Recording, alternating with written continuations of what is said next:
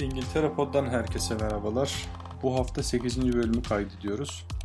Aslında geçen hafta 7. bölümü kaydedip yayınladık ama şöyle bir şey fark ettim. Biz 6. bölümü yayınlamamışız.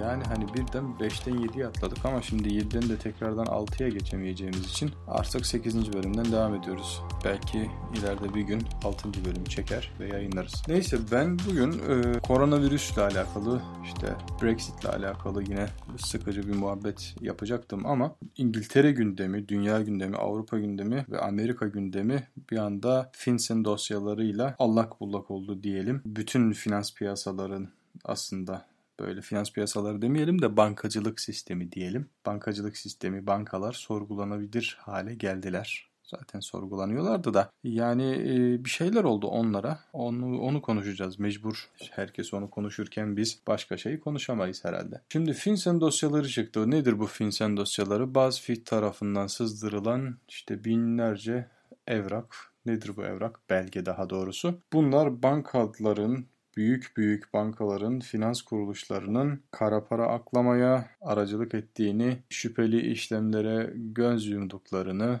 işte sahibi belli olmayan hesapların milyar milyar dolar işlem yapmasına göz yumduklarını falan ifşa eden bir takım evraklar. Kim ifşa etti? BuzzFeed ifşa etti. BuzzFeed Amerika merkezli bir haber sitesi diyelim. BuzzFeed'in ifşa ettiği belgelerde İngiltere'de özellikle 3 bankanın, 3 finans kuruluşunun başını ağrıtacak epeyce delil, epeyce belge mevcut. Bunlar kimler? HSBC, JP Morgan ve İngiltere'nin devlet bankası olan Barclays Bankası. Almanya'da da bir önemli bir finans kuruluşunun başına ağrıtacak yine evraklar, belgeler mevcut. Şimdi e, birazdan tek tek bunların e, detayına gireceğiz. Ama öncesinde biraz da koronavirüs konuşalım. Çünkü hayatın bir gerçekliği, sosyal hayatı özellikle günlük hayatı çok derinden etkileyen bir husus. İngiltere'de hatta bütün dünyada ikinci dalga bekleniyordu. İkinci dalga geldi Boris Johnson'un tabiriyle. Şu anda İngiltere'de biz ikinci dalganın içerisindeyiz. Dün yanılmıyorsam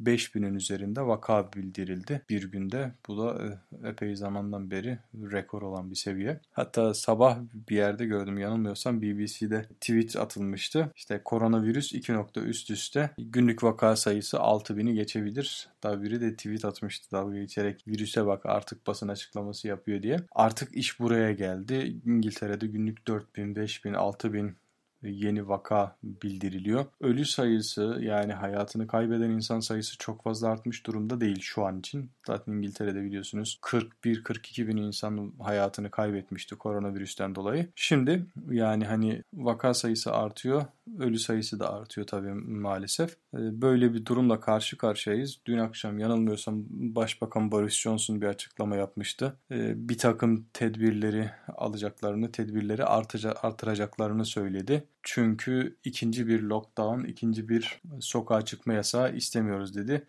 Gerçekten istemedikleri, kimsenin istemediği bir durum. İngiltere'de iç piyasayı son derece olumsuz etkileyen bir husus. Geçtiğimiz günlerde işte İngiltere'nin meşhur tekstil firmalarının birçoğunun battığını, bu işte Victoria's Secret gibi dünyaca bilinen firmanın battığını falan duyduk. Bilmiyorum ne kadar doğru ne kadar yanlış ama Böyle bir gerçeklik var. İngiltere'de zaten sallantıda olan özellikle kıyafet perakendecileri koronavirüsle birlikte o ilk lockdownla birlikte bayağı sıkıntıya girdiler. Birçoğu mağazasını kapattı, kapatmak zorunda kaldı. Gıda sektörünü de etkiledi. Burger King gibi büyük bir marka birçok mağazasını kapattı. Tekrardan da açmayacağını duyurdu. Onun haricinde birçok küçük lokal markada, lokal gıda veya giyim perakendecisi de kapatmak zorunda kaldı. Gıdacılar biraz daha şanslı nispeten ama iç piyasayı son derece olumsuz etkilediği su götürmez bir gerçek. Şimdi bu gerçekler önümüzde dururken ikinci bir lockdown'u bir başbakan olarak Boris Johnson'un istememesi gayet anlaşılır bir şey. E, kimse istemiyor. Onun için de bir takım tedbirler almak zorundalar. Bunları önümüzdeki günlerde açıklayacaklardı zaten. İki gün önce 18 e, Eylül itibariyle bir takım yeni kurallar devreye girdi. Aslında yeni kurallar değildi. Var olan ama uygulanmayan kuralları tekrardan hatırlatmış oldular ve hani biraz ceza sopasıyla korkutarak oldu bu. Uygulanmadığı takdirde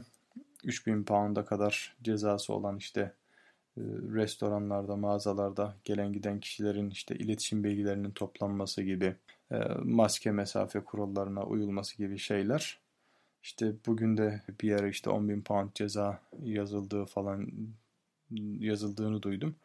Yani hani bunlar doğru yalan e, bilemiyoruz ama hani böyle bir gerçeklik var. Ceza kapıda, ceza yolda. Devlet de cezaya yazmaya, bütün devletler şu anda ceza yazmaya heveslidir. Çünkü bu koronavirüs sokağa çıkma yasağı sürecinde mecburen piyasayı canlı tutabilmek için para dağıttılar. Bunu bir şekilde geri toplamaları gerekiyor. Geçtiğimiz günlerde İngiltere e, Finans Bakanı Rishi Sunak böyle bir açıklama yapmıştı. Vergileri artıracağız çünkü bu e, girdaptan çıkışın tek yolu vergileri artırmaktan geçiyor. Kurtarıcımız vergiler gibi bir açıklama yapmıştı. Bir maliye bakanı olarak son derece haklı. Yapacak bir şey yok. Biz de biz de maskeye, mesafeye dikkat ederek hayatımızı devam ettirmeye çalışacağız. İnşallah koronavirüs ya aşısı bulunur ya ilacı bulunur ya da işte e, influenza gibi bir anda kendisi yok olur gider bilemiyoruz. İnşallah böyle bir şekilde dünya kurtulur bundan diye ümit ediyoruz.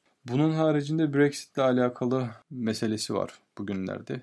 Koronavirüs ve Brexit. Brexit'te de ilgili herhangi bir İngiltere adına ya da Avrupa adına olumlu bir gelişme yok. Boris Johnson Avrupa Birliği'ni iyi niyetli olmamakla, iyi niyetli davranmamakla suçluyor. Şu an için onun da yaptığı bir şey yok. Beklemedi bütün ülke. Şimdi gelelim asıl meseleye. İngiltere'de şimdi finans kuruluşları başta HSBC kara para aklamaya göz yumdu deniyor. Şimdi bir de burada bir tosuncuk hikayesi de var. Ming Shu isminde bir adam. Bu adam WCM 777 diye bir oluşum yapmış. Bu oluşumun Ponzi, Ponzi oluşumu. İşte para topluyor. Topladığı paradan kar dağıttığını ifade ediyor ama kar etmeyen bir sistem Ponzi yani. Hani hepiniz biliyorsunuz. Bilmeyenler de alış araştırıp öğrenebilir. Bankalar Ponzi dünyada yasak finans sisteminin e, sevmediği bir şey. Finans sisteminde yasal olmayan bir şey. Bir Ponzi yapısının parasını transfer etmek bir banka için suçtur. Şimdi HSBC bu Ponzi'ci arkadaşın parasını Amerika'dan Hong Kong'a transfer etmiş. Ne kadar bir paradan bahsediliyor rakamını göremiyorum şu an için. İşin ilginç tarafı şu HSBC bunun Ponzi olduğundan şüpheleniyor. Bu yapının Ponzi olduğunu raporluyor ABD'nin FinCEN kuruluşuna. Bunu raporluyor. 2000 yılından bu yana dünyadaki bütün bankalar dolar üzerinden yapılan uluslararası işlemleri ABD'ye raporlamak zorunda. Özellikle şüphelendikleri işlemleri ABD'ye raporlamak zorundalar. HSBC de bunu raporluyor ama buna rağmen bu işlemleri de yapıyor. Yani e, kirli paranın kirli olduğunu bile bile aktarmak bile bile lades diyelim. Şimdi Deutsche Bank işin içinde şimdi BBC Türkçe'de bunu haberleştirmiş. BBC Türkçe'den biraz alıntı yapalım. Kamuoyuna sızdırılan gizli belgeler dünyanın en büyük finans kuruluşlarının kara para aklama operasyonlarına nasıl aracılık ettiğini ve 2 trilyon doları bulan muazzam bir paradan bahsediliyor. Para transferlerinde nasıl bir rol üstlendiklerini ortaya koydu diyor. Sızan belgeler Rus oligarkların uluslararası bankaları kullanarak kendilerini hedef alan yaptırımların etrafından nasıl dolaştığını da gösteriyor. FinCEN belgeleri son 5 yıl içerisinde ortaya çıkarılan Panama ve Paradise belgeleri gibi gizli para transferleri, kara para aklama operasyonları ve vergiden kaçınma çabaları hakkında detaylar içeriyor. FinCEN belgeleri 2500'ün üzerinde dokümanı kapsıyor. Dosyanın önemli bir bölümü bölümünü bankaların 2000-2017 yılları arasında ABD'li yetkililere gönderdiği belgeler oluşturuyor.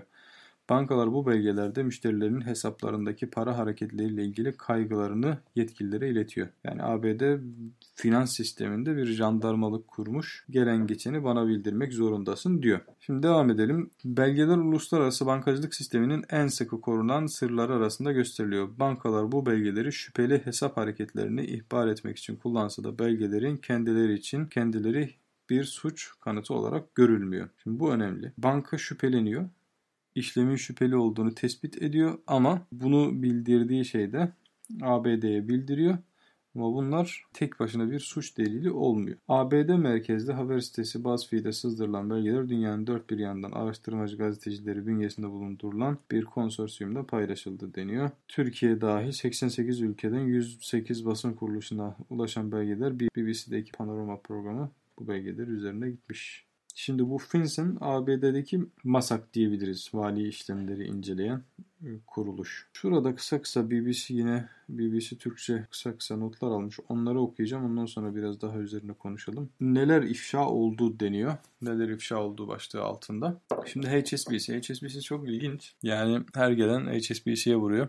Ya da HSBC çok fazla yanlış yapıyor diyelim. HSBC dolandırıcıların 100 milyonlarca dolarlık çalıntı parayı finansal sisteme sokmasına göz yumdu. Banka ABD'li yetkililerden oluşturulan sistemin dolandırıcılık olduğunu öğrenmesine karşın adım atmadı. Yani bile bile lades az önce söylediğimiz gibi. JP Morgan yine İngiltere'deki diğer bir büyük kuruluş, finans kuruluşu bir şirketin Londra'da kime ait olduğu belli olmayan bir hesap üzerinden, anonim bir hesap üzerinden 1 milyar dolardan fazla para transferi yapmasına izin verdi.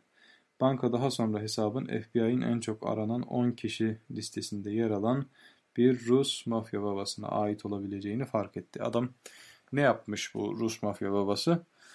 Kendi şirketinin sahip olduğu başka bir şirket kurmuş. Bir e, girişimcilik şirketi gibi. Onun üzerinden para transferi yapmış. 1 milyar doları geçkin bir para transferi. JP Morgan da bu e, şirketin, yavru şirketin geçmişini, kime ait olduğunu falan filan çok araştırmamış demek. Çok merak etmemiş. Ee, bunun transferlerini yapmış. Sonra bu adam bu şirketin ABD'nin en çok aradığı Rus mafya babalarından birine ait olabileceğini fark etmiş. Yani hani öyle öyle olmuş ne diyelim. Sonra geliyoruz Barclays var bir de İngiltere'nin Türkiye'deki Ziraat Bankası'na karşılık gelebilecek bankası diyelim biz buna. Rus Rusya Devlet Başkanı Vladimir Putin'e en yakın isimlerden birisi Barclays'i kullanarak yaptırımların etrafından dolaştı ve batılı finansal kuruluşların kuruluşların hizmetlerinden faydalanmaya devam etti. Söz konusu kaynaklarla para pahalı sanat eserleri satın aldı. Burada bir de Deutsche Bank var. Almanya'nın devlet bankası. Organize suç örgütlerinin, uyuşturucu tacirlerinin ve batılı ülkeler tarafından terörist olarak sınıflandırılan şahısların kara paralarının transferine aracılık etti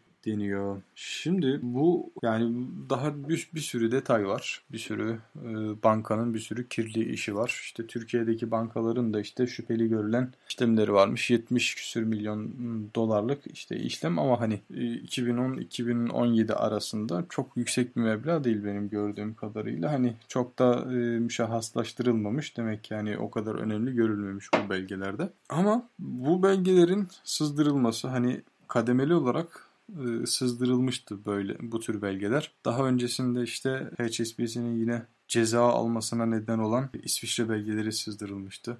İşte bir küsür milyar e, dolarlık ceza almıştı. HSBC ile de ilgili bir anekdot anlatmak isterim burada. Yıl yanılmıyorsam 2016 idi. HSBC'de bir şahsi bir de ticari banka hesabı açtım. Yanılmıyorsam o dönem ticari hesabımı daha açmamıştım. Şahsi e, banka hesabını açtım ve tarih 15 Temmuz yani darbe girişiminden, Türkiye'deki darbe girişiminden birkaç hafta sonraydı. Bir anda bir mail aldım bankadan. Hesabımın dondurulduğu söylendi bana ve bankaya görüşmeye çağırdılar beni. Hesabımı da e, HSBC çalışanı Çin e, asıllı bir hanımefendi açmıştı. Çağırdı beni gittim e, çağırdığı gün. Dedim ki hayırdır ne oluyor neden kapattınız hesabımı? Bilmiyorum dedi. Size bir soru sormam gerekiyor dedi. Bu soruyu cevaplamanız lazım. Tamam dedim. İlginç bir şekilde bana şu soruyu sordu. Hükümette görevli herhangi biriyle bağınız var mı? Tuhaf. Ben de ona şunu sordum. Hangi hükümet? İngiliz hükümeti mi, Türk hükümeti mi?